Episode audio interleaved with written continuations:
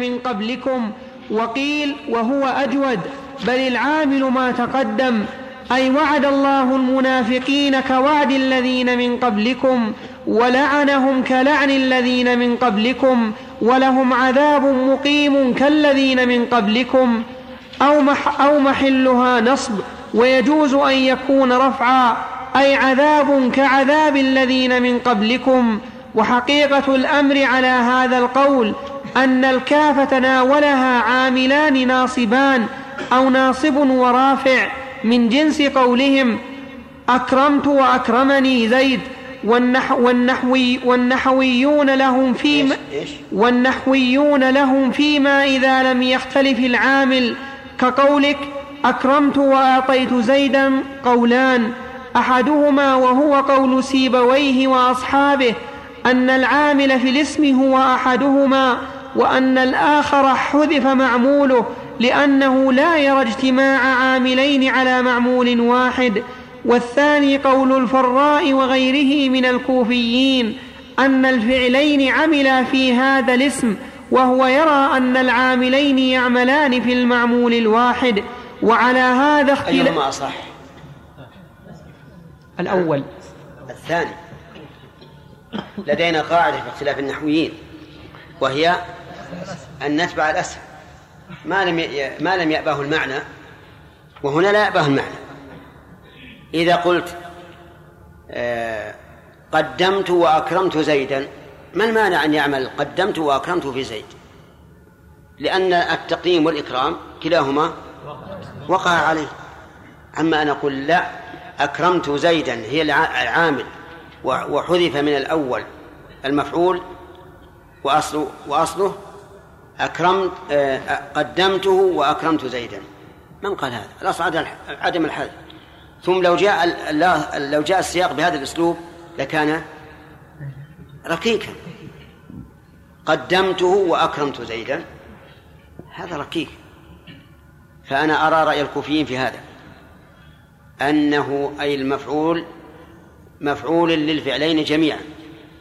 ولا بأس أن يتعامل يجي عن ثالث مثل قدمت وأكرمت وأعطيت وأهديت وهات وهبت. وهبت. وأوصيت نعم.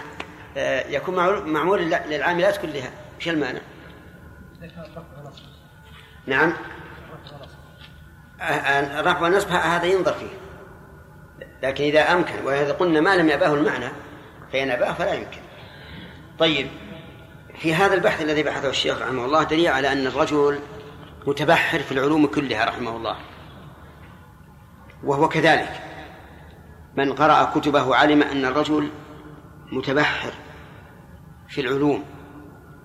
وقد بحث ابن القيم رحمه الله في كتابه بدائع الفوائد وهو كتاب قيم يصلح لطالب العلم. أربعة أجزاء في مجلدين. بدائع الفوائد. بحث على آه، السر في كون في حمد ومدح. الحروف واحدة ثلاثة لكن اختلف الترتيب بينها فاختلف المعنى اختلافا عظيما. وأطنب في ذلك وأطال. ثم قال وكان شيخنا رحمه الله يعني به ابن تيمية إذا تكلم في هذا أتى بالعجب العجاب. ولكنه كما قيل تألق البحر البرق نجديا فقلت له إليك عني فإني عنك مشغول. بماذا؟ بما هو أهم من مقارعة الفلاسفة والمناطق والمتكلمين وغيرهم. ما هو راح يبحث في مسائل مسائل النحو؟ وكان أبو حيان صاحب البحر المحيط يحبه حبا شديدا وذكر فيه قصيدة عصمة عظيمة. حتى غلا فيه. وقال قال قام ابن تيمية في نصر شرعتنا مقام سيد تيم إذ عصت مضر. يعني به من؟ أبا بكر, أبا بكر. يقول الشيخ الإسلام حفظ الله به الأمة الإسلامية كما حفظ الأمة الإسلامية بأبي بكر يوم الردة. وهي قصيدة مشهورة. ولما قدم شيخ الإسلام مصر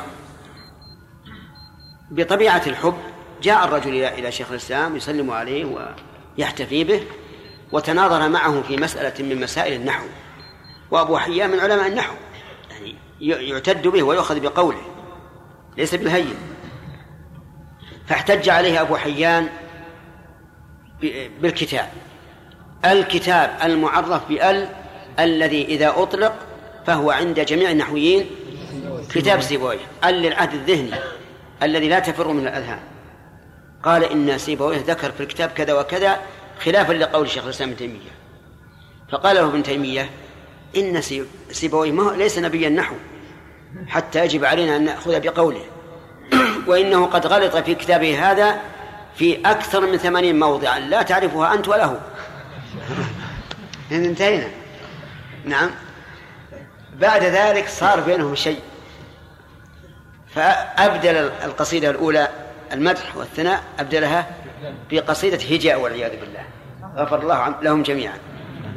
أنا قصدي بهذا أن الله سبحانه وتعالى أعطى شيخ الإسلام رحمه الله علما قال عنه شيخنا محمد بن عبد العزيز المطوع أحد تلاميذ شيخنا أحد تلاميذ شيخنا الكبير والذي أخذنا أول علمنا على يده رحمه الله يعني مطوع قال رحمه الله تعالى في شيخ الإسلام ابن تيمية إن الرجل قد أولين له يعني العلم كما أولين الحديد لداود. وهذا صحيح. شيخ الإسلام رحمه الله عنده من العلوم الشيء الكثير. نسأل الله التوفيق. آمين. نعم وقال أيضا شيخنا إن يعني محمد بن عبد العزيز المطوع إن هذا الرجل يعتبر ما أعطاه الله من العلم من الكرامات لأنه فوق طاقة البشر. يعني إذا قرأت سبحان الله أحيانا يسرد لك وهو عن ظهر قلب يسرد لك عشرين كتاب. قال هذا في الكتاب الفلاني والفلاني والفلاني من كتاب من كتب الفلاسفة والمناطق. شيء عجيب. الواحد يتحير سبحان الله. نعم. وعلى هذا اختلاف المهم أن قولنا الذي نرج الذي نراه راجحا هو أن يتوارد عاملان فأكثر إيش؟ على معمول واحد. ولا بأس في ذلك فخذ به تجده مريحا. نعم. ترى في بيت يا شيخ بهذا شيخ بارك الله فيك. كتب شيخ الإسلام؟ لا شك في نفعها لكن أحيانا الطالب إذا قرأها يصاب بالإحباط لأنه يمر عليه مواضع كثيرة. ما يفهمها. فهل الإنسان يمرها؟ أنت ماذا ترى لو أننا ألقينا شخصا لا يعرف السباحة في البحر؟ يغرق خلاص. لا تقرأ الشيء الصعب اترك حتى ترتق يعني ولا حقيقة أحيانا الواحد يردد العبارة ما يعرفها. لكن إذا تمرن الإنسان على كتبه صار يفهمها جيدا. شيخ يعني هل الإنسان مثلا يقرأها حتى ولو ما فهمها حتى يتمرن عليها لا لا أقرأ الفتاوي أولا. الفتاوي سهلة كل يعرفها شيخ شيخ الإسلام أي نعم. سهلة لكن فيها مآخذ جيدة. نعم. شيخ بارك الله فيك. وعن البحث الذي بحثه شيخ الإسلام بان وهو كذلك أن المؤمن والعامل أنه يسعده الله عز وجل في الدنيا ويكون مسرور النفس. نعم. نجد مثلا ابن القيم الجوزية يقول كنا عندما تضيق علينا الدنيا وتضيق قلوبنا وصدورنا نذهب إلى شيخ الإسلام ونرتاح. فهذا الحادث الذي كان يحدث لهم. يعني كيف نوجهه مع كلام شيخ الإسلام؟ لا إله إلا الله. الرسول ما بيحزن ويغتم ما هو جلس لما جاء خبر جعفر بن أبي طالب جالس في المسجد وحده مستوحشا. والناس يمرون من عنده وهو يعني ليس على العادة المعروفة. أحيانا ما هو معناه أنه أنه يصير الإنسان دائما في نعيم. هذه المصائب تكون نعيما للمؤمن. تكون نعيما للمؤمن لأنه يعلم أنه سوف إيش؟ يؤجر عليها. ولهذا أصيبت أظنها رابعة العدوية أصيب أصبعها الذي قطع أو جرح فلم لم تهتم به. فقيل لها ماذا؟ قالت إن حلاوة أجرها أنستني مرارة صبرها. إن حلاوة أجرها أنستني مرارة صبرها. هؤلاء الحقيقة الذين اختارهم الله عز وجل تكون المصائب عندهم نعما. نعما لأنهم يتنعمون بها يرون ألم الجسد لا بد أن يزول. مهما كان الغم القلب لا بد أن يزول. الإنسان يفرح في أول النهار ثم يغتم في وسطه ثم يفرح في آخره. أليس كذلك؟ هذا هم يرون أن هذا الغم الذي أصابهم هو نعمة. لأنهم إذا وفقوا للصبر عليه صار أجرا ودرجات. ويا شيخ جاني كان أن يقول إذا ذهبنا عند شيخ الإسلام نعم نعم. لا بد من هذا لا بد من هذا المغم. يقول يقول ذهب هذا يعني ربطوا على أنه كان له من العلم و على كل حال شيخ الإسلام لا شك المجالس ويمكن إذا رآهم مغتمين أو مهتمين أورد عليه من من النصوص ما يزيل ذلك عنه. انتهى الوقت. ما قوله نبينا محمد وعلى آله وأصحابه أجمعين. أما بعد فقد قال شيخ الإسلام ابن تيمية رحمه الله تعالى في كتاب اقتضاء الصراط المستقيم.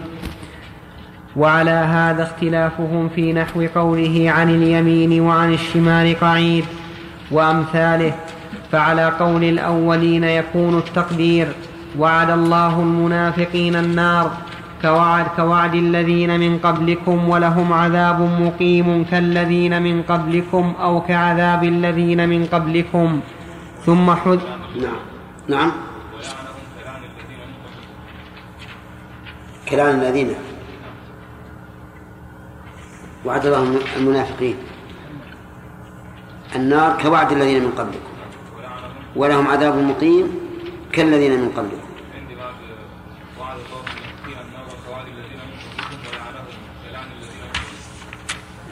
لأنه ساقطة عندنا. إذا نلحقها. ولعنهم.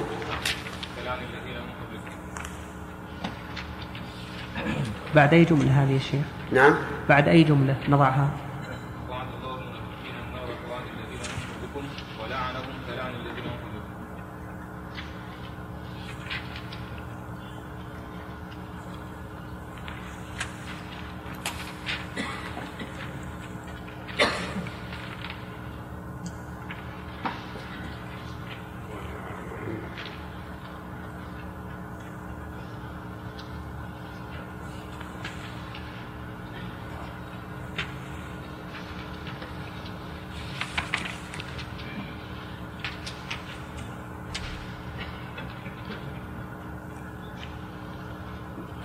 الذين من قبلكم.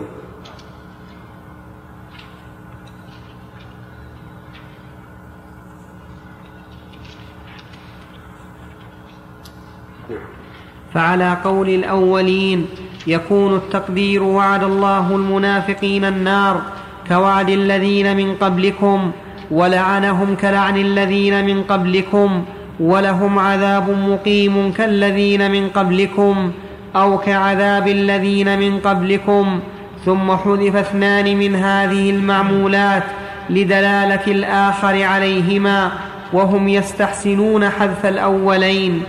وعلى القول الثاني يمكن أن يقال الكاف المذكورة بعينها هي المتعلقة بقوله وعد وبقوله ولعن وبقوله ولهم عذاب مقيم لأن الكاف لا يظهر فيها إعراب وهذا على القول بأن عمل الثلاثة النصب ب ب ب ب وهذا على القول بأن عمل الثلاثة النصب ظاهر وإذا قيل النصب. النصب.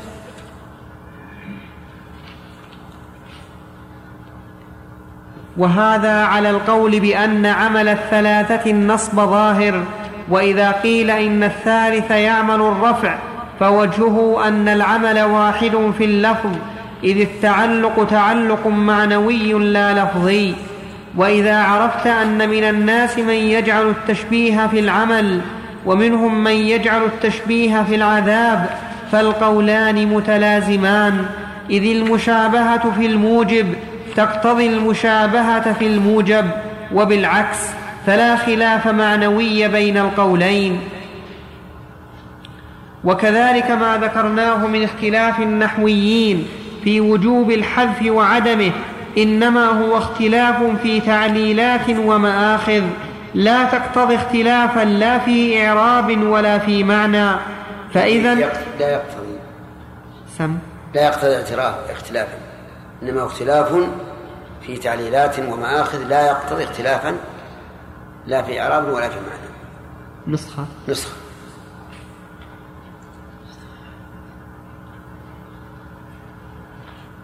إنما هو اختلاف في تعليلات ومآخذ, ومآخذ لا, لا يقتضي اختلافا لا في إعراب ولا في معنى. فإذا الأحسن أن تتعلق الكاف بمجموع ما تقدم من العمل والجزاء فيكون التشبيه فيكون التشبيه فيهما لفظا.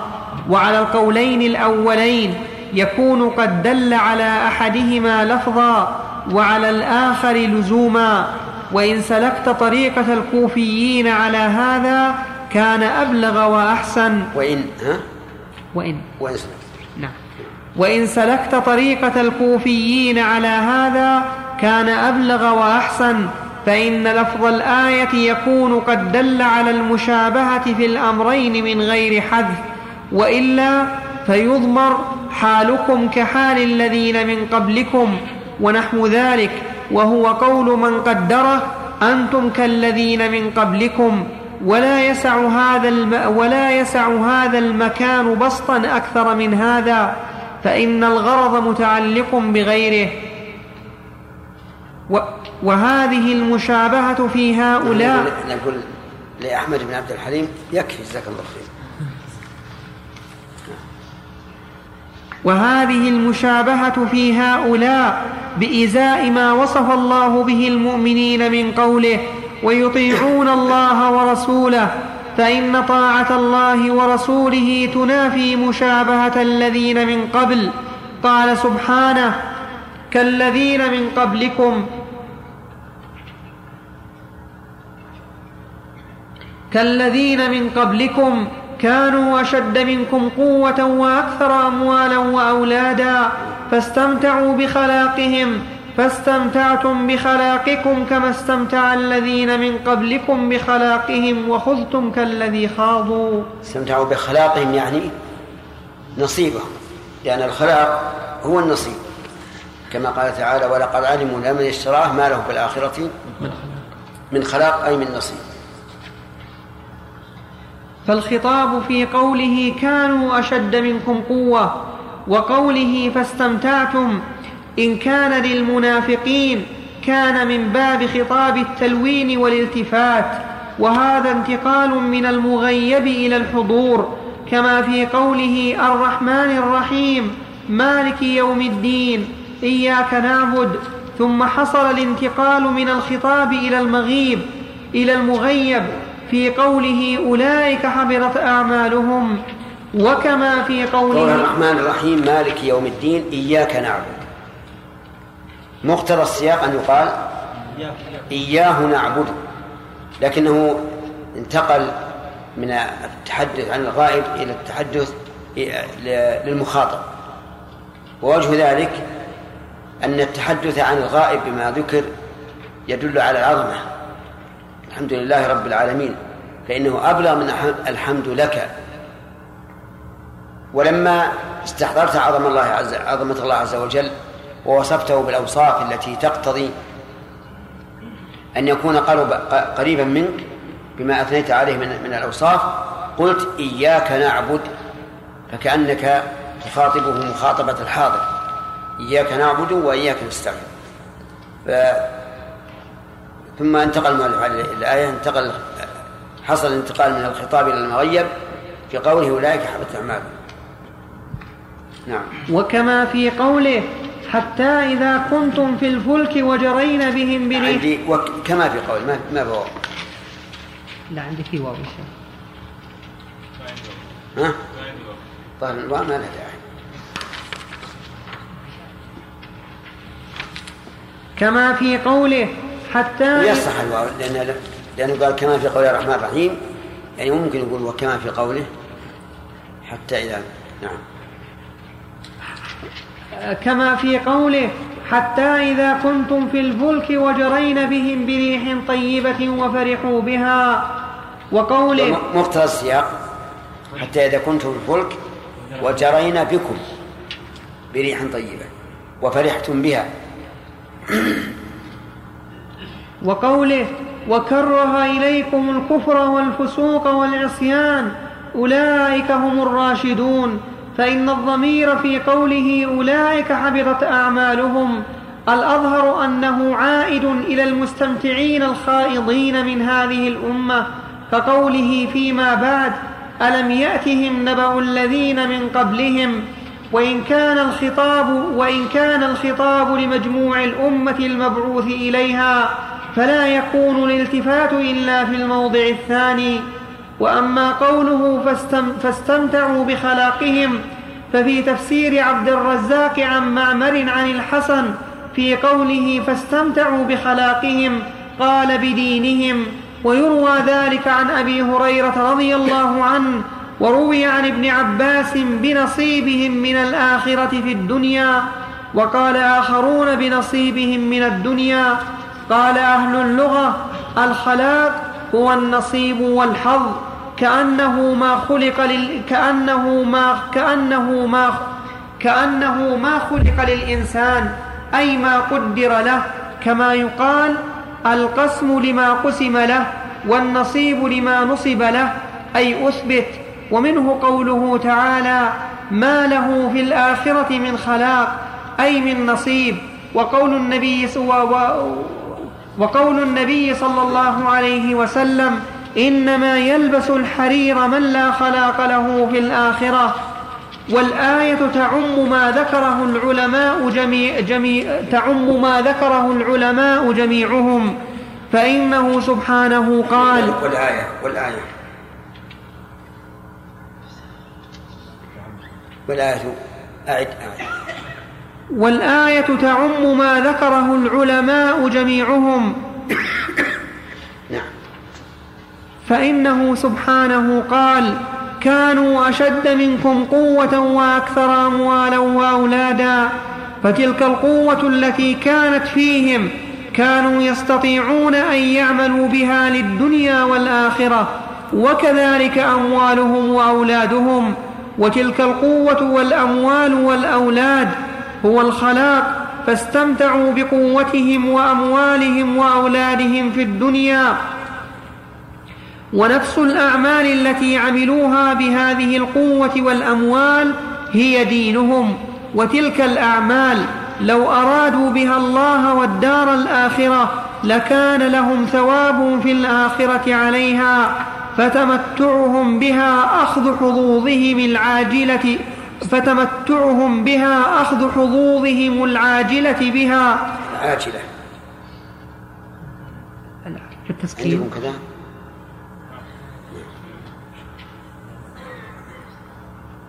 فدخل في هذا؟ أكمل فدخل في هذا نعم. فدخل في هذا من لم يعمل إلا لدنياه سواء كان جنس العمل من العبادات أو غيرها. ثم قال سبحانه فاستمتعوا بخ... فاستمتعتم بخلاقكم كما استمتع الذين من قبلكم بخلاقهم وخضتم كالذي خاضوا وفي الذي وجهان أحسنهما أنه صفة أنها صفة المصدر أي كالخوض الذي خاضوه فيكون العائد محذوفا كما في قوله مما عملت أيدينا وهو كثير فاش في اللغة. والثاني ما عملت أيدينا أصلا. وش المحذوف؟ عملته. نعم. والثاني أنه صفة الفاعل أي كالفريق أو الصنف أو الجيل الذي خاضوه كما لو قيل الذي خاضوا. ما به ما به ضمير. شيلوا شيل أي شيلوا أو الجيل الذي خاضوا كما لو قيل كالذين خاضوا وجمع سبحانه بين الاستمتاع بالخلاق وبين الخوض لأن فساد الدين إما أن يقع بالاعتقاد الباطل والتكلم به أو يقع في العمل بخلاف الاعتقاد الحق والأول هو البدع ونحوها. والثاني فسق الأعمال ونحوها فسق الأعمال ونحوها. والأول من جهة الشبهات والثاني من جهة الشهوات ولهذا كان السلف يقولون احذروا من الناس صنفين صاحب هوى قد فتنه هواه وصاحب دنيا أعمته دنياه. وكانوا يقولون احذروا فتنة العالم الفاجر والعابد الجاهل فإن فتنتهما فتنة لكل مفتون فهذا يشبه المغضوب عليهم. الذين يعلمون الحق ولا يتبعونه وهذا يشبه الضالين الذين يعملون بغير علم. ووصف بعضهم أحمد بن حنبل فقال رحمه الله عن الدنيا ما كان أصبره وبالماضين ما كان أشبهه أتته البدع فنفاها والدنيا فأباها.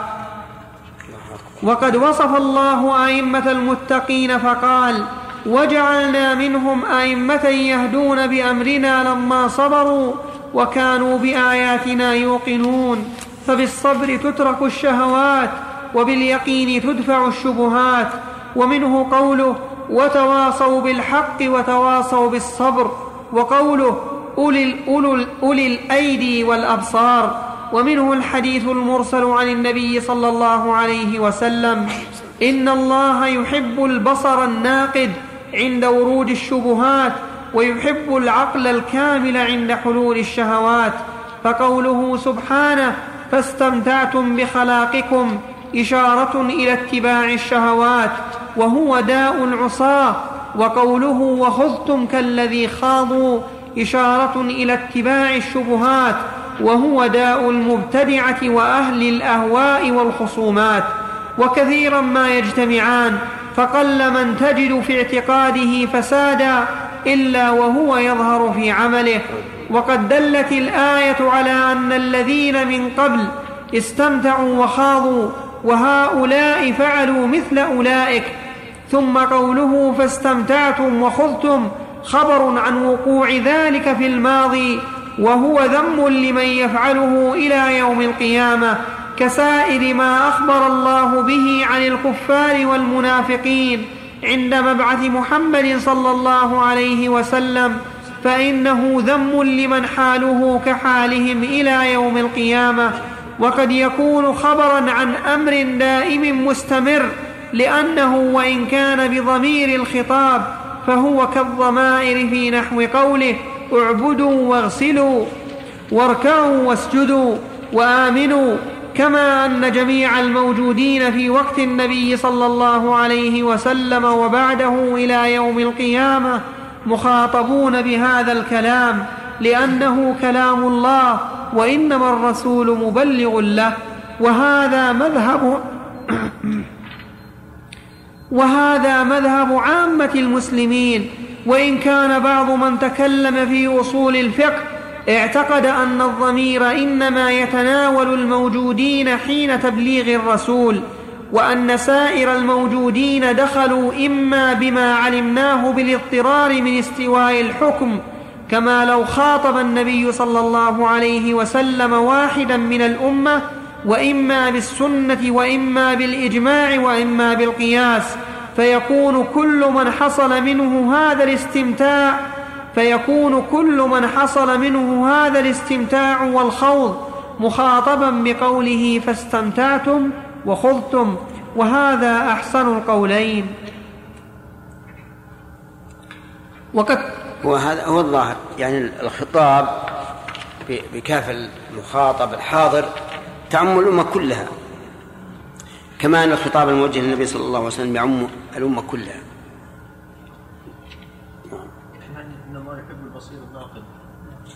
نعم. إن الله يحب البصير الناقد. نعم. بدل البصر النافذ عند وجود البصير؟ لا ظهر البصر النافذ أصح هذه عندك أشار إليه حتى نسخة ها؟ أشار إليه بالحاجة حتى نسخة. وقد توعد الله أنا سبحانه عندي نصف الصفحة منطمس مو لكن طرفنا مو بواضح يا شيخ؟ لا لا أقول مكتوب هذه الصورة السيئة من أصل الفيلم. طيب.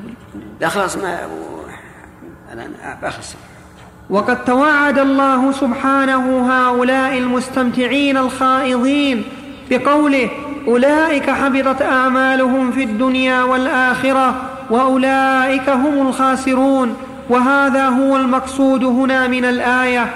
وهو أن الله قد أخبر أن في هذه الأمة من استمتع بخلاقه كما استمتعت الأمم قبلهم وخاض كالذي خاضوا وذمهم على ذلك وتوعدهم على ذلك ثم حضهم على الاعتبار بمن قبلهم فقال ألم يأتهم نبأ الذين من قبلهم قوم نوح وعاد وثمود وقوم إبراهيم وأصحاب مدين والمؤتفكات أتتهم رسلهم بالبينات وقد قدمنا أن طاعة الله ورسوله في وصف المؤمنين بازاء ما وصف به هؤلاء من مشابهة القرون المتقدمة وذم من يفعل ذلك وأمره بجهاد الكفار والمنافقين بعد هذه الآية دليل على جهاد هؤلاء المستمتعين الخائضين.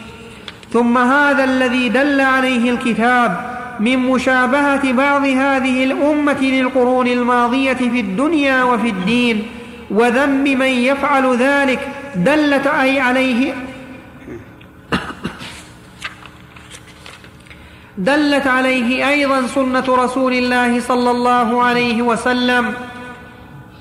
وتأول الآية على ذلك أصحابه رضي الله عنهم فعن أبي هريرة رضي الله عنه عن النبي صلى الله عليه وسلم قال لتاخذن كما أخذت الأمم من قبلكم ذراعا بذراع وشبرا بشبر وباعا بباع حتى لو أن احدا من أولئك دخل جحر ضب لدخلتموه. قال أبو هريرة اقرأوا إن شئتم كالذين من قبلكم كانوا أشد منكم قوة. الآية قالوا يا رسول الله كما صنعت فارس والروم وأهل الكتاب؟ قال فهل الناس إلا هم؟ وعن ابن. نعم. وعن ابن عباس رضي الله عنهما في هذه الآية أنه قال ما أشبه الليلة بالبارحة هؤلاء بنو إسرائيل شبهنا بهم. وعن ابن مسعود رضي الله عنه أنه قال أنتم أشبه الأمم.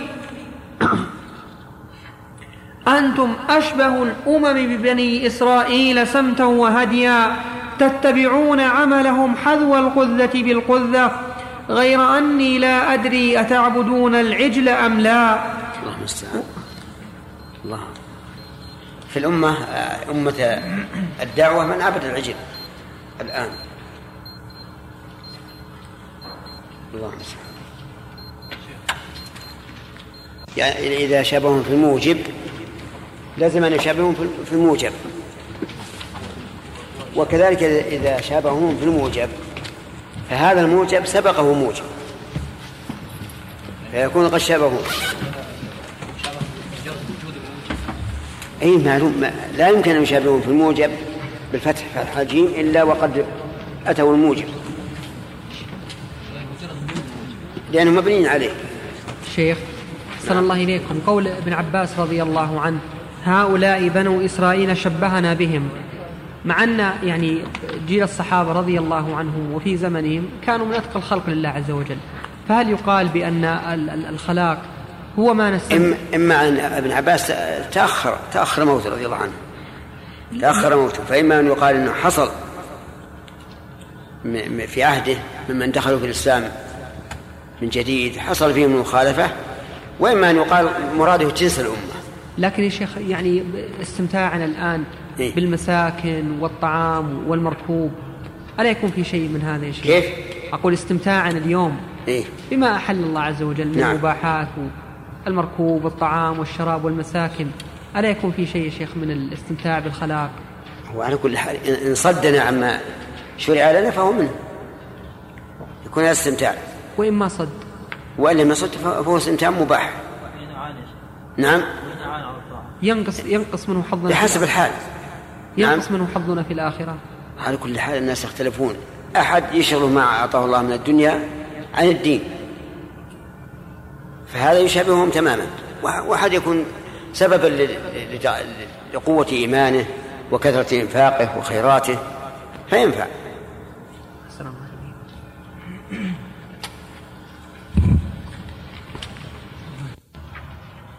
وعن حذيفة بن اليمان رضي الله عنه قال المنافقون الذين منكم اليوم شر من المنافقين الذين كانوا على عهد رسول الله صلى الله عليه وسلم.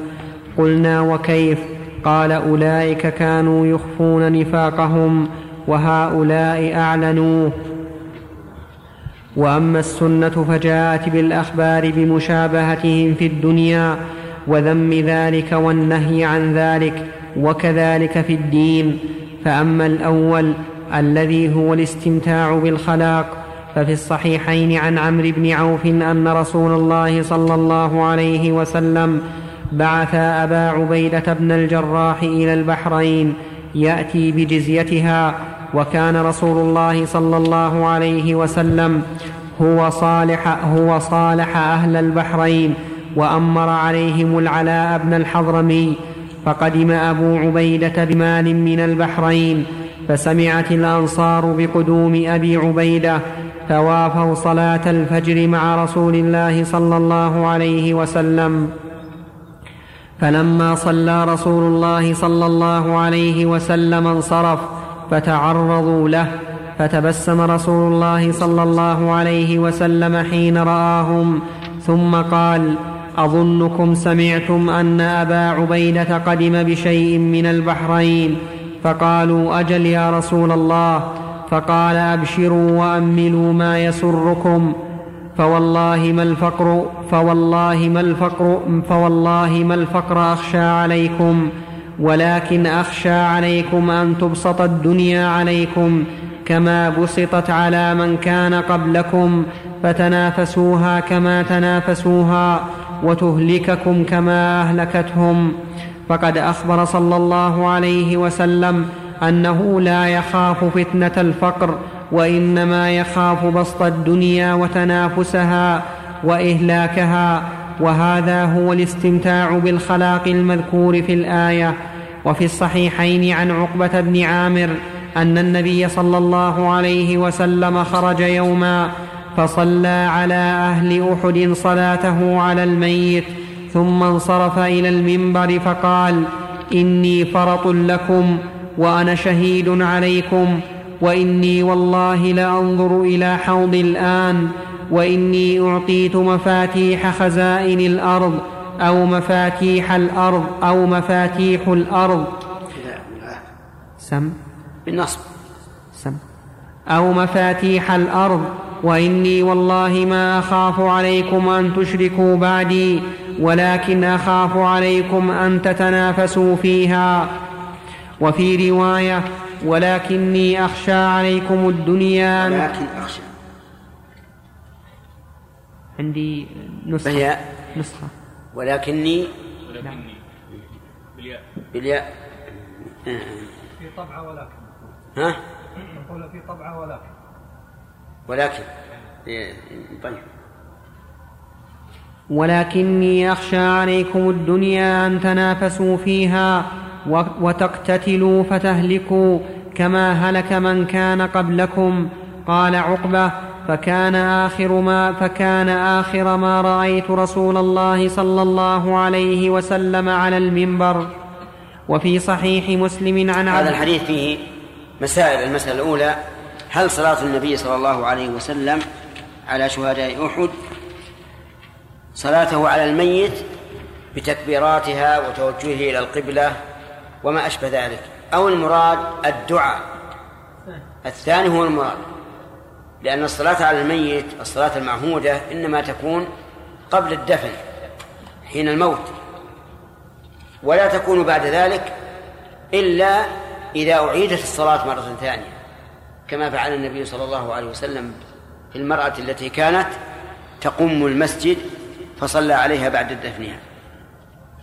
وفي أيضا آه، في المسألة الثانية أخبر النبي صلى الله عليه وسلم أنه فرط أمته أي مقدمها. وذلك يوم القيامة فإنه صلوات الله وسلامه عليه يكون فرطا لهم وشهيدا عليهم. وهو فرطهم على الحوض. يقف حتى تشرب أمته منه. جعلنا الله وإياكم منه وفي أيضا من المسائل آه، أن النبي صلى الله عليه وسلم قد يمثل له ما لم يكن في الدنيا وهو في الآخرة. يعني الشيء في الآخرة ويمثل له في الدنيا. كحوضه فإنه يقول إني لأنظر إلى حوض الآن فالحوض إذن موجود وكذلك رأى الجنة ورأى النار في صلاة الكسوف. ومن مسائله أنه عليه الصلاة والسلام يقول لا أخاف أن تشركوا فهل يعني ذلك انتفاء الشرك في أمته؟ أو يعني ذلك أنه يخاف علينا أكثر من خوفه من الشرك بفتح الدنيا. الجواب الثاني لأن الشرك وقع في أمته. وكذلك ومثل ذلك قوله صلى الله عليه وسلم إن الشيطان قد أيس أن يعبد في جزيرة العرب. ليس معناه أنه لن يقع الشرك فيها بل المعنى أن هذا كان ظن الشيطان حين رأى الفتح المبين. وحلول التوحيد في الجزيرة ظن أنه لن يعود الشرك فأيس؟ لا وهذا لا يعني أن الله تعالى لا يقدر الشرك. فلا يكون في حجة لمن طاف بالقبور ودعا أصحاب القبور في الجزيرة وقال هذا ليس بشرك لأن الشيطان أيس أن يعبد من دون الله في هذه الجزيرة. نقول إن الإخبار عن وقوع الشيء لا لا يعني أنه جائز. أرأيت أن النبي صلى الله عليه وسلم أخبر أن هذه الأمة ستركب طرق من كان قبلها. قالوا اليهود والنصارى؟ قال نعم. فمن الناس إلا هؤلاء؟ وهل هذا الذي أخبر به الرسول عليه الصلاة والسلام يعني أنه جائز؟ أجيبه. لا. ليس ليس بجائز. أخبرنا من ذلك تحذيرا بذلك تحذيرا. وكذلك إخباره بأن الضعينة المرأة تخرج وحدها من كذا إلى كذا لا تخشى إلا الله. ليس يعني ذلك أنه يجوز أن تسافر بلا, بلا محرم لكن هذا حكاية للواقع. فالواقع شيء والشيء والشرع شيء آخر. ومن المسائل في هذا الحديث التحذير من من التكالب على الدنيا. لأنها إذا فتحت على الإنسان أهلكت وهذا هو الواقع. ولذلك تجد أنعم الناس بالا وأكثرهم خشوعا هم الأقلون. لكن الأكثرون تلهيهم الدنيا وتشغلهم غصبا عليهم فيتنافسوا فيها فيهلكوا. نعم. وفي صحيح مسلم عن عبد الله بن عمرو رضي الله عنهما عن رسول الله صلى الله عليه وسلم قال إذا فتحت عليكم خزائن فارس والروم أي أي قوم أنتم؟ قال عبد الرحمن بن عوف نكون كما أمرنا الله عز وجل. فقال رسول الله صلى الله عليه وسلم تتنافسون ثم تتحاسدون. ثم تتدابرون أو تتباغضون أو غير ذلك أو غير ذلك ثم تنطلقون إلى غير ذلك. أو غير ذلك ثم يعني أو قال غير ذلك. أو غير ذلك ثم تنطلقون إلى مساكين المهاجرين فتحملون بعضهم على رقاب بعض. وفي الصحيحين عن أبي سعيد رضي الله عنه قال جلس رسول الله صلى الله عليه وسلم على المنبر وجلسنا حوله فقال إن مما أخاف عليكم بعدي ما يفتح من زهرة الدنيا وزينتها. فقال رجل أو يأتي الخير بالشر يا رسول الله؟ قال فسكت عنه رسول الله صلى الله عليه وسلم. فقيل ما شأنك تكلم رسول الله ولا يكلمك؟ قال ورأينا أنه ينزل عليه فأفاق يمسح عنه الرح الرحضاء. وقال أين هذا الرحضاء يعني العرق. نعم. وقال أين هذا السائل؟ وكأنه حمده. فقال إنه لا يأتي الخير بالشر. وفي رواية فقال أين السائل آنفا أو خير هو ثلاثا إن الخير لا يأتي إلا بالخير وإن مما ينبت الربيع ما يقتل حبطا أو حبطا أو يلم إلا أو يلم. أو يلم. إيه؟ نعم. ما عندي ماء. ها؟ ما يقتل ما عندي ماء. إذا عندنا ملحقة. إيه؟ وهي لا بد لا بد من وجودها.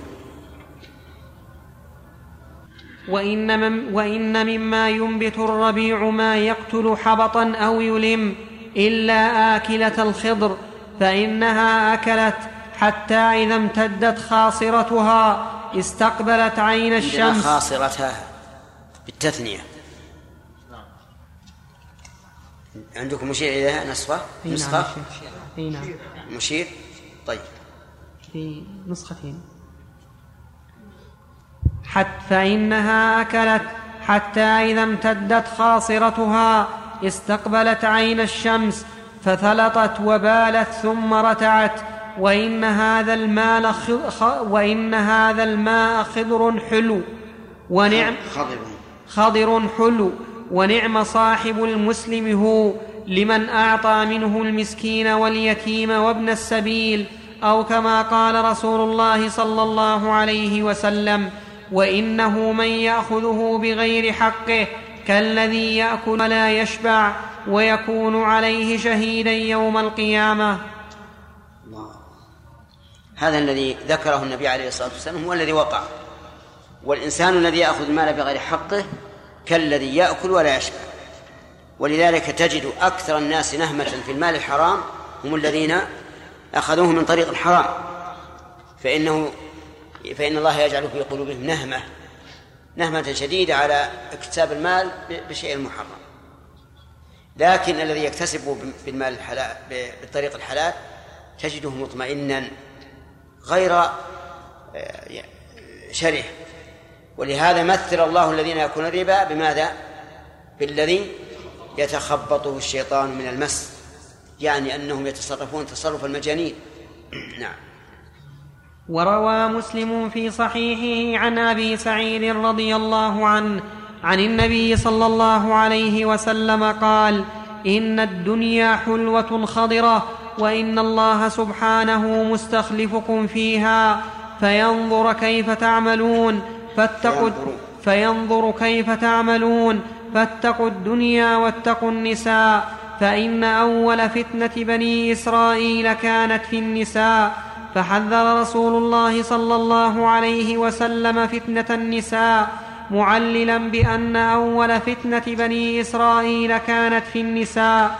وهذا نظير ما سنذكره من حديث معاوية عنه عنه صلى الله عليه وسلم أنه قال إنما هلك بنو إسرائيل حين اتخذ هذه نساؤهم يعني وصل الشعر ويعني وصل الشعر. وكثير من مشابهات أهل الكتاب في أعيادهم وغيرها إنما يدعو إليها النساء. نعم في هذا التحذير من رسول الله صلى الله عليه وسلم من الانهماك في الدنيا وكذلك اتقاء النساء لأن النساء جمعن بين نقص الدين ونقص العقل وإذا ترك الأمر لهن فإنه سيحصل من الشر والفساد ما لا تحمل عقباه. وانظر الآن إلى النساء في البلاد التي لا تحترم المرأة وتجعلها بمنزلة الصورة مبتذلة مهانة؟ انظروا ماذا حصل من الشر والفساد. هم الآن يتمنون الخلاص مما هم فيه ولكن أن لهم التناوش من مكان بعيد.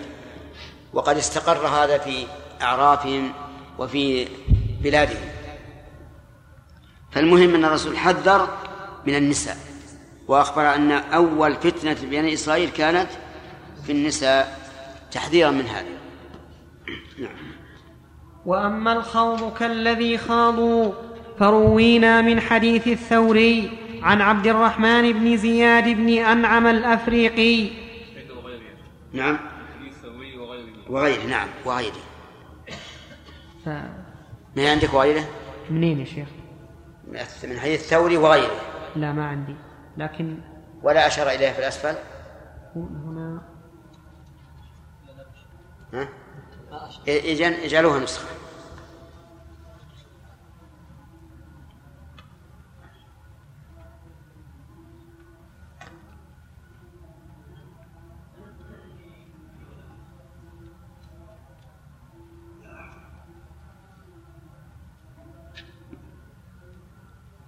فروينا من حديث الثوري وغيره عن عبد الرحمن بن زياد بن أنعم. الإفريقي نعم إيش؟ أي أنعم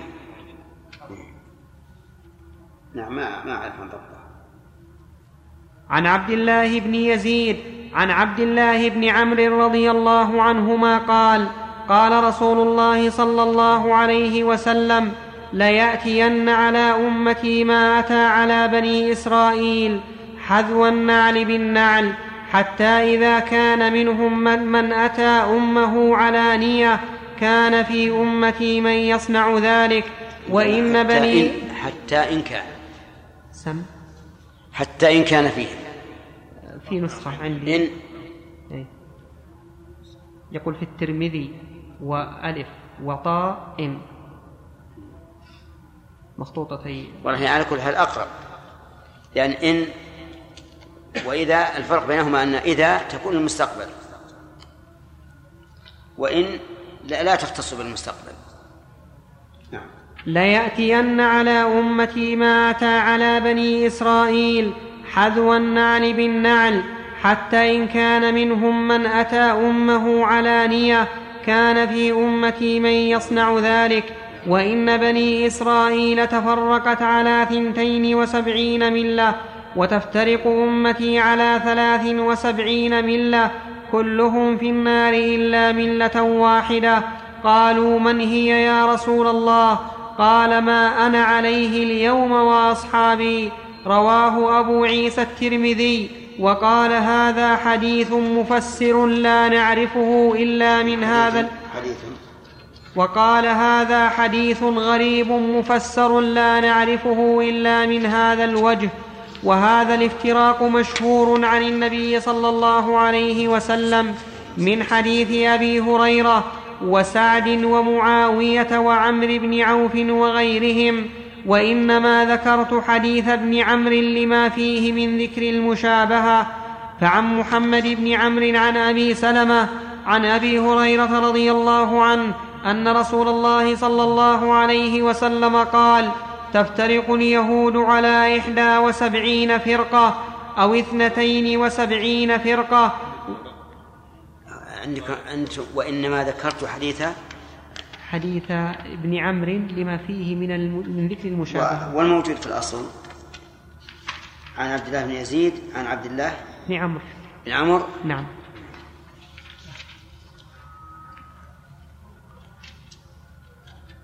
في ذكر نسخة ابن عمر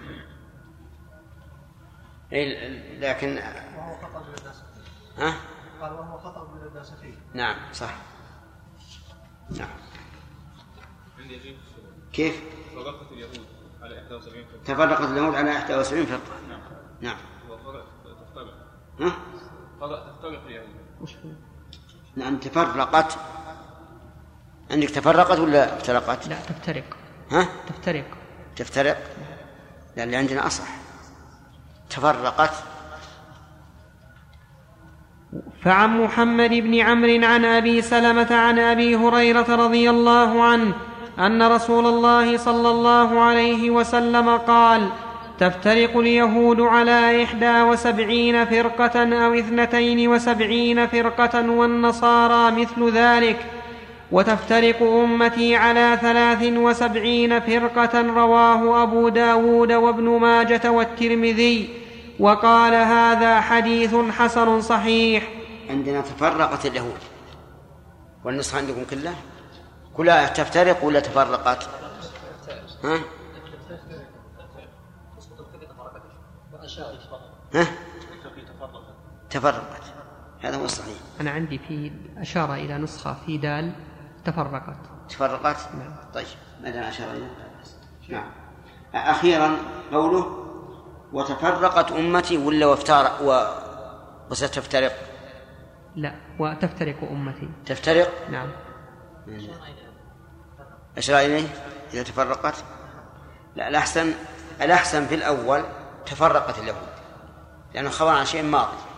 وفي الثاني بالنسبة للأمة تفترق لأنه خبر عن مستقبل. نعم. يظهر شيخ ان اخطا عندنا في الإحالة. ها؟ يظهر إن اخطا عندنا في الإحالة. بدل ما يحيل على اللفظ الأول احال على اللفظ الثاني. ما, ما المهم يمكن. نعم. شيخ في أصوات ورا يقرؤون القران في تشبيش أي. أي. نعم لا, لا يقر خفض الصوت. قال رسول الله صلى الله عليه وسلم إن أهل الكتابين افترقوا في دينهم على اثنتين وسبعين ملة وإن هذه الأمة ستفترق على ثلاث وسبعين ملة يعني الأهواء كلها في النار إلا واحدة وهي الجماعة. وقال إنه سيخرج من أمتي أقوام تتجارى بهم تلك الأهواء كما يتجارى الكلب بصاحبه فلا يبقى الكلب. الكلب.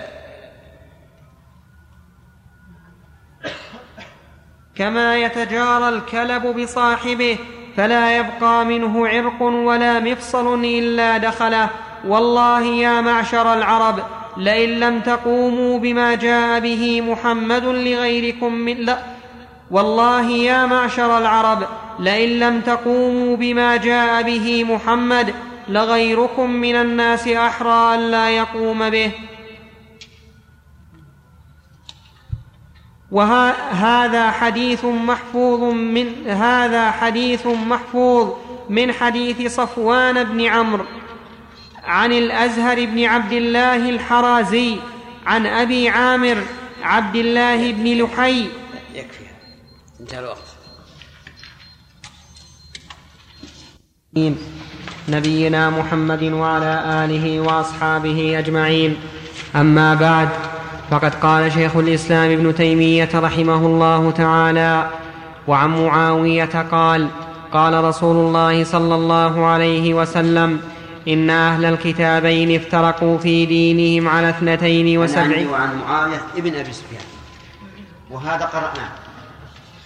هذا قرأناه لكن أحسن الله إليكم. وقفنا على نهاية الحديث ثم بعده حديث محفوظ. أي نعم فلا- هذا حديث محفوظ.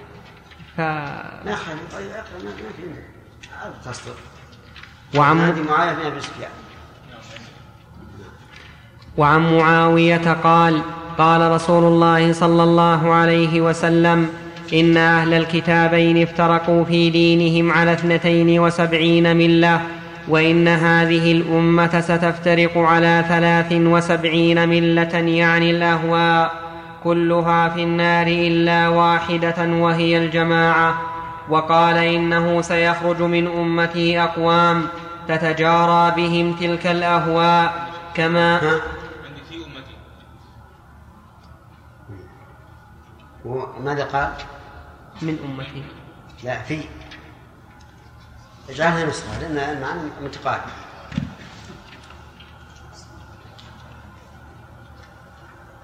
إنه سيخرج من أمتي أقوام تتجارى بهم تلك الأهواء كما يتجارى الكلب بصاحبه فلا يبقى منه عرق ولا مفصل إلا دخله. والله يا معشر العرب لئن لم تقوموا بما جاء به محمد لغيركم من الناس أحرى أن لا يقوم به. هذا حديث محفوظ من حديث صفوان بن عمرو عن الأزهر بن عبد الله الحرازي عن أبي عامر عبد الله بن لحي عن معاوية رواه عنه غير واحد. منهم أبو اليمان. الظاهر أن قوله والله يا معشر العرب إنه مدرج. من كلام معاوية هذا الظاهر. لأن مثل مثل هذا الخطاب لا يرد من النبي صلى الله عليه وسلم. هنا يا شيخ ذكر كلام. ها؟ ذكر كلام حول هذا. ماذا قال؟ قال أخرجه أحمد في المسند وأبو داود مختصرا في كتاب السنة وابن أبي عاصم في كتاب السنة في ذكر الأهواء المذمومة ولم يذكر قوله والله يا معشر العرب. إلى آخر الحديث. هو الشيخ الإسلام ساقه. لكن على كل حال الظاهر لي من من المدرج نعم. رواه عنه غير واحد منهم أبو اليمان وبقية وأبو المغيرة. رواه أحمد وأبو داود في سننه. وقد روى ابن ماجة هذا المعنى من حديث صفوان بن عمرو عن راشد بن سعد عن عوف بن مالك الأشجعي ويروى من وجوه أخرى. فقد أخبر النبي صلى الله عليه وسلم بافتراق أمته على ثلاث وسبعين فرقة واثنتان وسبعون لا ريب أنهم الذين خاضوا كخوض الذين من قبلهم. ثم هذا الاختلاف ثم هذا الاختلاف الذي أخبر به النبي صلى الله عليه وسلم إما في الدين فقط وإما في الدين والدنيا ثم قد يؤول إلى الدماء. وقد يكون الاختلاف في الدنيا فقط وهذا الاختلاف الذي دلت عليه هذه الأحاديث هو مما هو مما نهي عنه في قوله سبحانه ولا تكونوا كالذين تفرقوا واختلفوا وقوله إن الذين فرقوا دينهم وكانوا شيعا لست منهم في شيء وقوله وأن هذا صراطي مستقيما فاتبعوه ولا تتبعوا السبل. وهو موافق لما رواه مسلم في صحيحه عن عامر بن سعد بن أبي وقاص عن أبيه أنه أقبل مع رسول الله صلى الله عليه وسلم في طائفة من أصحابه من العالية حتى إذا مر بمسجد بني معاوية دخل فركع فيه ركعتين وصلينا معه ودعا ربه طويلا ثم انصرف إلينا فقال سألت ربي ثلاثا فأعطاني اثنتين ومنعني واحدة. سألت ربي الا يهلك أمتي بالسنة فأعطانيها. وسألت ربي الا يهلك أمتي بالغرق فأعطانيها. وسألته الا يجعل بأسهم بينهم فمنعني فمنعنيها. وروي أيضا وروى أيضا في صحيحه عن ثوبان. قال قال رسول الله صلى الله عليه وسلم الحديث هذا الحديث لا ينهى فيما وقع في بعض الأمة من الغرق ونحوه لأن المقصود الهلاك العام. وكذلك السنة العامة. ولهذا ما زال في البلاد الإسلامية أنه يكون غرق عواصف مدمرة جد قحط جوع. لكن هذا لا, لا ينافي الحديث لأنه لم لم يهلكهم بسنة عامة. وأما أن لا يجعل بأسهم بينهم فهذا أيضا كما يعرفه من كتب التاريخ يخبو أحيانا ويفتقد أحيانا. أحيانا تكون الأمة ساكنة وأحيانا تثور ويكون بأس بينهم. لكننا لا يبعد أننا في هذه الأيام في زمن أخبر عنه الرسول عليه الصلاة والسلام أنه يكثر الهرج يعني القتل. القاتل الذي لا يدري لا يدري القاتل فيما قتل ولا المقتول فيما قتل. الناس في طيش وحمى. ليس عندهم روية لا القاتلون ولا المقتولون نعم. وروى أيضا في صحيحه عن ثوبان قال قال رسول الله صلى الله عليه وسلم إن الله زوالي الأرض فرأيت مشارقها ومغاربها وإن أمتي سيبلغ ملكها ما زوي لي منها وأعطيت الكنزين الأحمر والأبيض الأحمر, الأحمر والأبيض وإني سألت ربي لأمتي ألا يهلكها بسنة بعامة وألا يسلط عليهم عدوا من سوى أنفسهم فيستبيح بيضتهم.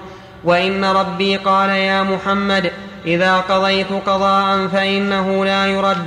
وإني أعطيتك لأمتك ألا أهلكهم بسنة بعامة.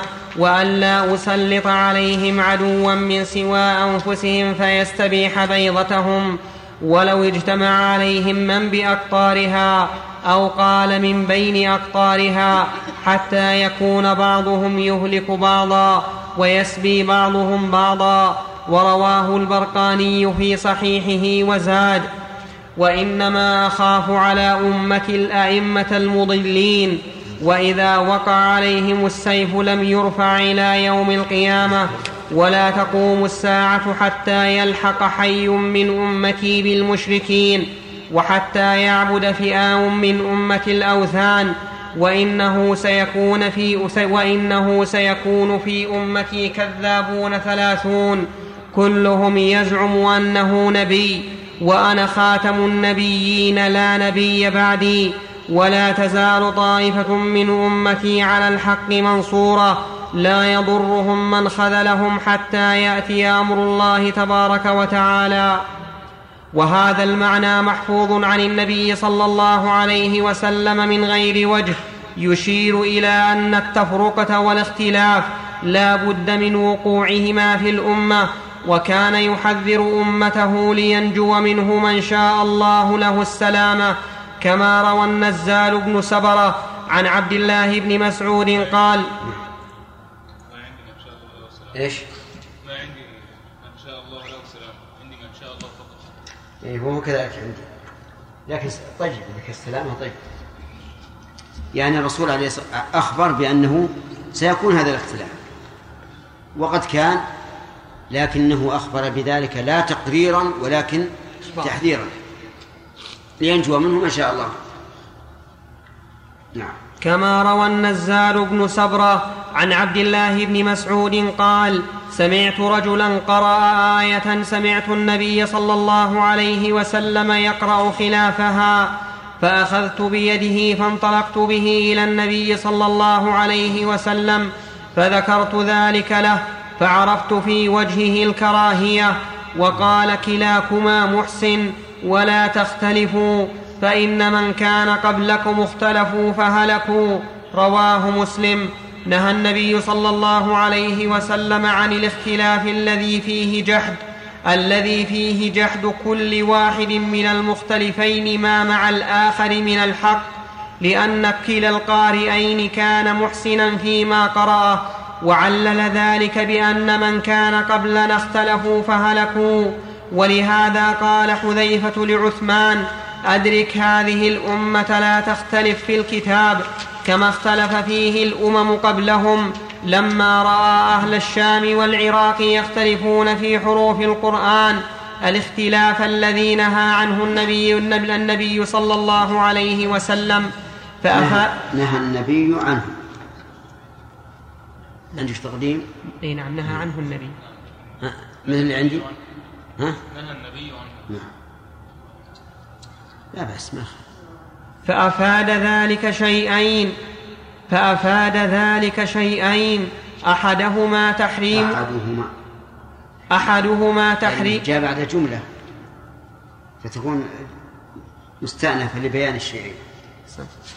أحدهما تحريم الاختلاف في مثل هذا والثاني الاعتبار بمن كان قبلنا والحذر من مشابهتهم. واعلم أن أكثر الاختلاف بين الأمة الذي يورث الأهواء تجده من هذا الضرب وهو أن يكون كل واحد من المختلفين مصيبا فيما يثبته أو في بعضه مخطئا في نفي ما عليه الآخر.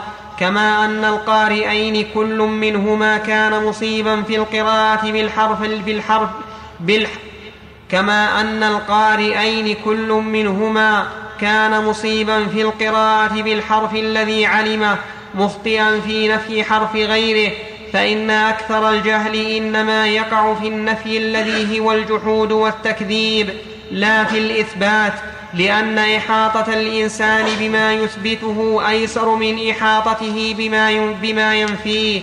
ولهذا نهي وهذا صحيح. لأن الإحاطة بالمثبت سهلة. يمكن الإنسان يدركها بالتتبع لكن نفي من يحيط؟ من يتتبع العلماء من أولهم إلى آخرهم حتى يعرف أنه لم يقل بهذا أحد؟ ولهذا كان النفي صعبا جدا. فيجب أن ينتبه الإنسان لهذا الشيء وأن لا يتعجل فيقول ما قال به أحد أو ما أو ما أشبه ذلك. لأنه قد يخطئ كثيرا. نعم. ما معنى واذا وقع عليهم السيف لم إلى يوم إيش؟ ما معنى وإذا وقع عليهم السيف لم يرفع إلى يوم آه. يعني معناها إذا قا- قاتل بعضهم بعضا استمر. شيخ بارك الله فيكم قوله صلى الله عليه وسلم وتفترق هذه الأمة على 73 فرقة. شيخ بارك الله فيكم من الناس الآن من يقول أن الاختلافات الواقعة بين المسلمين الآن هي من هذا وأنهم فرق. ومنهم من يقول لا أن الاختلاف الآن الواقع هو اختلاف في الفرقة. أن المسلمين الآن هم في الفرقة الثالثة والسبعين والاختلاف دائر فيها فلا يخرج بعضهم عن بعض. فما هو هذا؟ رأينا أنه ليس بصحيح كيف تكون من يدعي الإسلام الآن أنهم فرقة واحدة وفيهم الجهمية والفلاسفة وال- والرافضة؟ والإسماعيلية والنصيرية وما أشبه ذلك كيف؟ الكلام على يعني أهل السنة عامة لا الكلام على أهل القبلة مو على السنة أهل السنة يعتبرون فرقة واحدة شيخ بارك الله فيكم سؤالي الآن عن أهل السنة هل أهل القبلة؟ إيه. لأن شيخ من الناس الآن من يقول أن من يدعي أهل السنة الآن يقول لا هو يدعي من أهل السنة ولكنه من فرقة كذا وأن النبي عليه الصلاة والسلام حذر من أهل البدع إحنا ما عاد نستطيع ال- ال- الخلاف ال- ال- اللي سهل في بعض المسائل قد لا يخرج عن الاتفاق. قد لا يخرج كما أن المذاهب الأربعة مثلا فيها فيها خلاف ولكن لا, لا تخرج عن الاتفاق. لكن خلاف في الجوهر والأصل هذا خلاف مستقل. لا خلاف المناهج الآن. نعم. لابد يعني من فصل إيش المنهج؟ مناهج منهج التعليم؟ جماعات. نعم. يعني جماعة إخوان جماعة تبليغ وناس يقول سلفية وكل منهم حاجة هذه غلط. هذه لا شك انه تفرق لكنه غلط. لأن هؤلاء يعني وضعوا لأنفسهم حزبا بحيث يوا- يوالون من كان معهم ويعادون من خالفهم. لكن الخلاف في مسائل أخرى بحيث إنه ما يعده ما ما يعده وليا له أو عدوا له. كلما رأيت فرقة تقول هذه ضالة وهي عدوه لنا فهم فرقة. فهم فرقة. ه- هذا الضابط. كل منهم الآن يقول نحن أهل السنة ولا ما يخالف دعوة هذه لك دعوة لكن هم الآن فرقتان. هم الآن فرقتان. هذه دعوة. لأنهم لو سكتوا وقال نحن نخالفكم في هذا لكن نرى أنكم على الحق يعني هذا الذي أداه أداكم إليه الاجتهاد. ما صاروا متفرقين.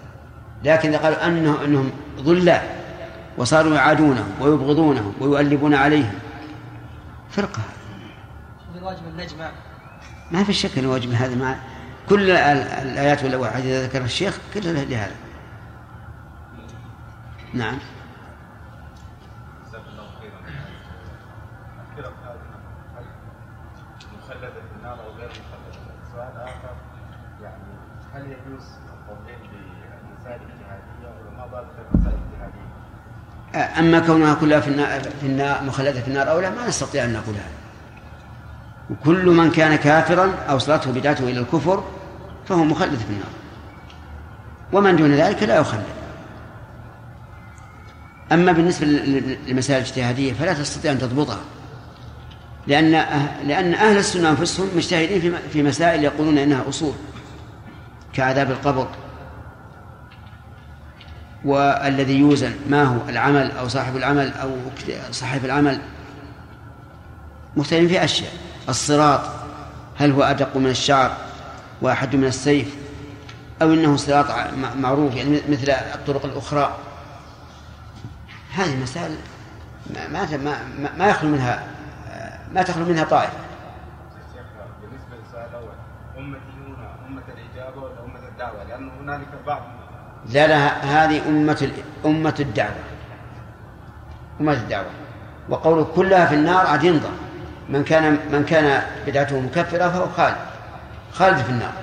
ومن دون ذلك لا يخلد ولهذا ولهذا نهيت هذه الأمة أن تضرب آيات الله بعضها ببعض لأن مضمون الضرب الإيمان بإحدى الآيتين والكفر بالأخرى بالأخرى. إذا اعتقد أن بينهما تضادا إذ الضدان لا يجتمعان. ومثل ذلك ما رواه مسلم أيضا عن عبد الله بن رباح الأنصاري أن عبد الله بن عمرو قال هج عمر عمر قال في جيم ودال ابن عمر وهو خطأ فالصحيح بن عمرو. طيب هذا صح.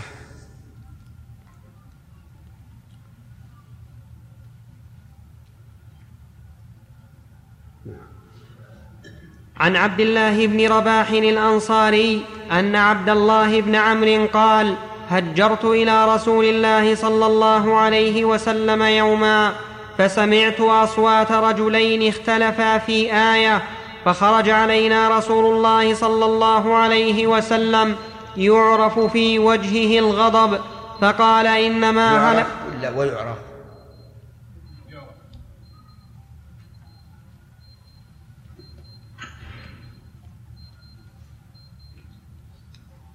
نعم يعرف في وجهه الغضب فقال إنما هلك من كان قبلكم من الأمم باختلافهم في الكتاب فعلل غضبه صلى الله عليه وسلم بأن الاختلاف في الكتاب سبب هلاك من كان قبلنا وذلك يوجب مجانبة طريقهم في هذا عينا وفي غيره نوعا والاختلاف على ما ذكره الله في القرآن قسمان.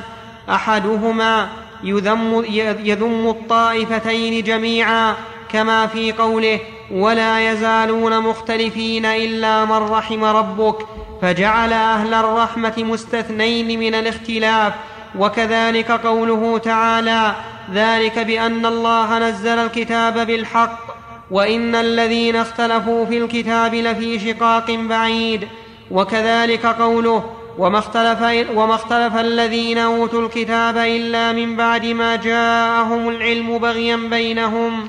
وقوله ولا تكونوا كالذين تفرقوا واختلفوا من بعد ما جاءهم البينات. وقوله إن الذين فرقوا دينهم وكانوا شيعا لست منهم في شيء. وكذلك وصف اختلاف النصارى بقوله فأغرينا بينهم العداوة والبغضاء إلى يوم القيامة وسوف ينبئهم الله بما كانوا يصنعون. ووصف اختلاف اليهود بقوله وألقينا بينهم العداوة والبغضاء إلى يوم القيامة كلما أو كلما أوقدوا نارا للحرب أطفأها الله. وقال فتقطعوا أمرهم بينهم زبرا كل, حز كل حزب بما لديهم فرحون. وكذلك النبي صلى الله عليه وسلم لما وصف أن الأمة, أن الأمة ستفترق على ثلاث وسبعين فرقة قال كلها في النار إلا واحدة وهي الجماعة. وفي الرواية الأخرى من كان على مثل ما أنا عليه اليوم وأصحابي. فبين أن عامة المختلفين هالكون من الجانبين. إلا فرقة واحدة وهم أهل السنة والجماعة. وهذا الاختلاف المذموم من الطرفين. يكون سببه تارة, فساد تارة فساد النية لما في النفوس من البغي والحسد وإرادة العلو في الأرض ونحو ذلك. فيحب لذلك ذم قول غيرها أو فعله. يحب. فيحب. قال. فتحب. قال في المطبوعة فيجب لذلك ذم قول غيره خطأ. يعني فتحبه.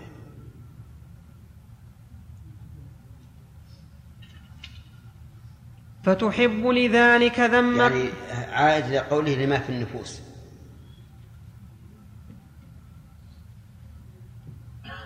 نعم فتحب لذلك ذم قول غيرها أو فعله أو غلبته ليتميز عليه.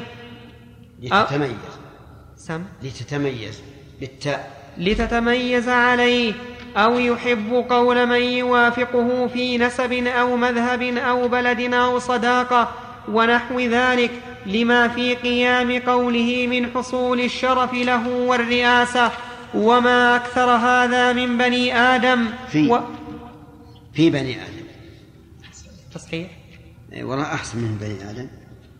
وما أكثر هذا في بني آدم وهذا ظلم ويكون سببه تارة جهل المختلفين بحقيقة الأمر الذي يتنازع يتنازعان فيه أو الجهل بالدليل الذي يرشد به أحدهما الآخر أو جهل أحدهما بما مع الآخر من الحق في الحكم أو في الدليل. وإن كان عالما بما معه وإن كان عالما بما مع نفسه من الحق حكما ودليلا. والجهل والظلم هما أصل كل شر كما قال سبحانه وحملها الإنسان إنه كان ظلوما جهولا أما أنواعه فهو في الأصل قسمان. أما أنواعه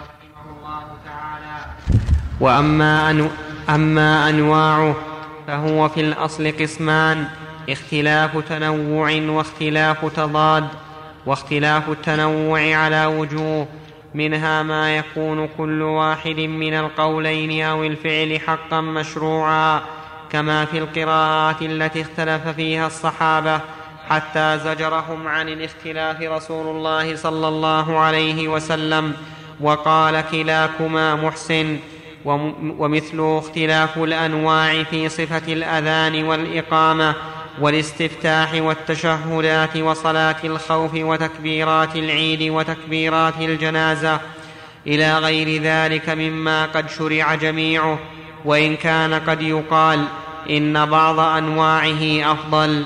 ثم نجد لكثير من الأمة في ذلك من الاختلاف ما أوجب اقتتال طوائف منهم على شفع الإقامة وإيثارها ونحو ذلك وهذا عين المحرم ومن لم يبلغ هذا المبلغ فتجد كثيرا منهم في قلبه من الهوى لأحد هذه الأنواع والإعراض عن الآخر أو النهي عنه ما دخل به فيما نهى عنه النبي صلى الله عليه وسلم.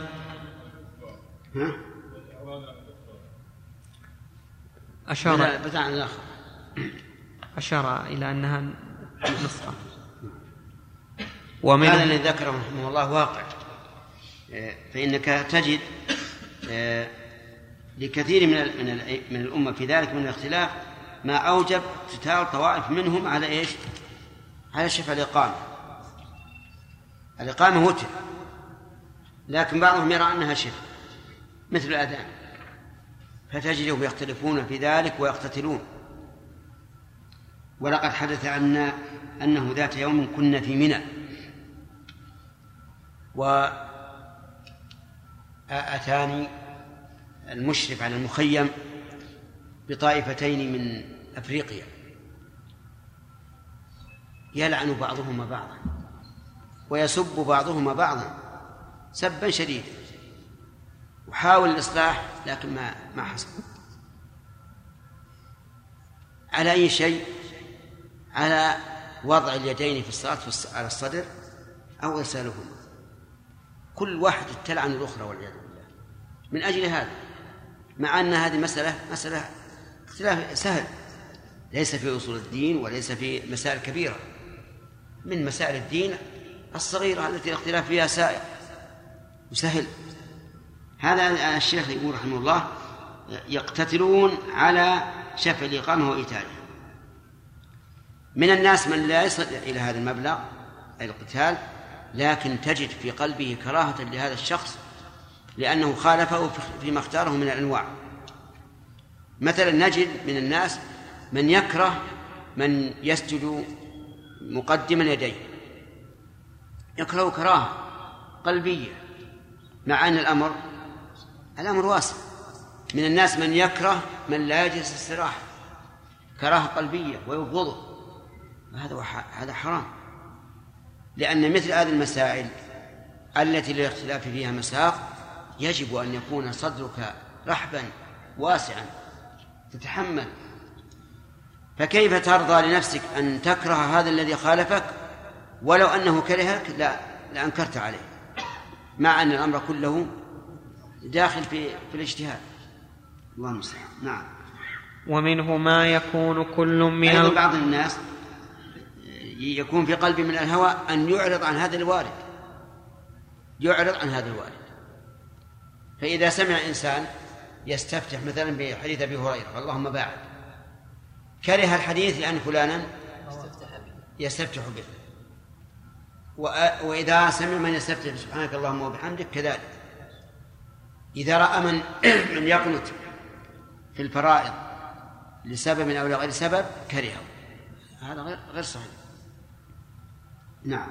ومنه ما يكون كل من القولين هو في معنى القول الآخر لكن العب... العبارة التنوع. التنوع. نعم. لكن العبارتان مختلفتان كما قد يختلف كثير من الناس في ألفاظ الحدود وصيغ الأدلة والتعبير عن المسميات وتقسيم الأحكام وغير ذلك ثم الجهل أو الظلم يحمل على حمد إحدى المقالتين وذم الأخرى. صحيح. هذا أيضا من اختلاف التنوع الذي لا يوجب أن تختلف القلوب. في التعريفات مثلا الحدود. يعني الحدود التعريفات. ما هي الصلاة؟ ما هي الطهارة؟ وما أشبه ذلك. صيغ الأدلة. يختلفون. في في في, في الصيغ هل صيغة الأمر مثلا هي المضارع؟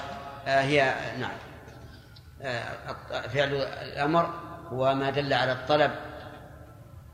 وقبل نون التوكيد أو ماذا؟ هل النهي ما المضارع المقرون بلا الناهية وما أشبه ذلك؟ كل هذه سهلة لا ينبغي أن يختلف الناس فيها تقسيم الأحكام, مثلا.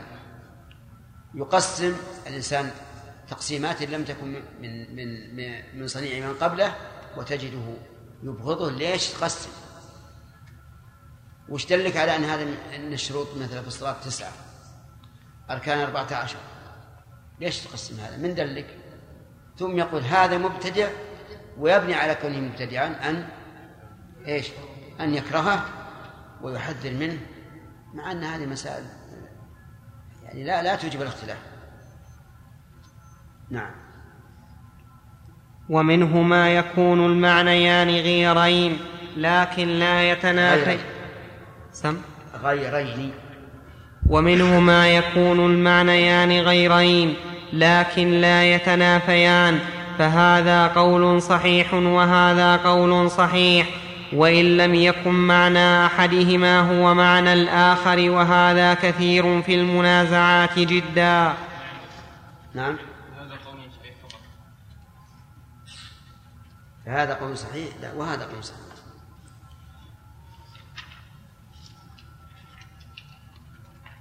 يقول سقطت هذه من ال... من بعض النسخ أي نعم يقول في الحاشية وهذا قول صحيح سقطت. ومنه ما يكون طريقتان مشروعتان.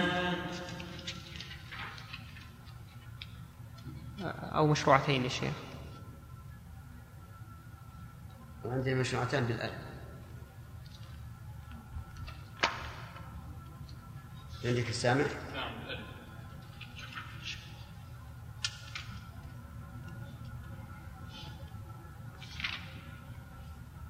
والآن يظهر ما يكون طريقتان مشروعتين. ويجوز أن تكون يكون هنا تامة.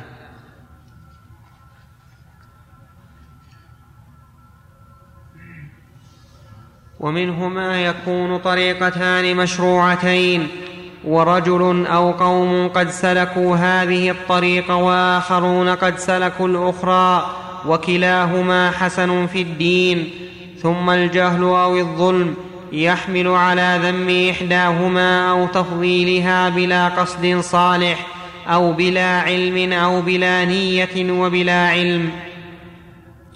وأما اختلاف التضاد فهو القولان فهو القولان المتنافيان إما في الاصول وإما في الفروع عند الجمهور الذين يقولون المصيب واحد وإلا فمن قال كل مجتهد مصيب فعنده هو من باب اختلاف التنوع لا اختلاف التضاد فهذا الخطب فيه أشد لأن القولين يتنافيان.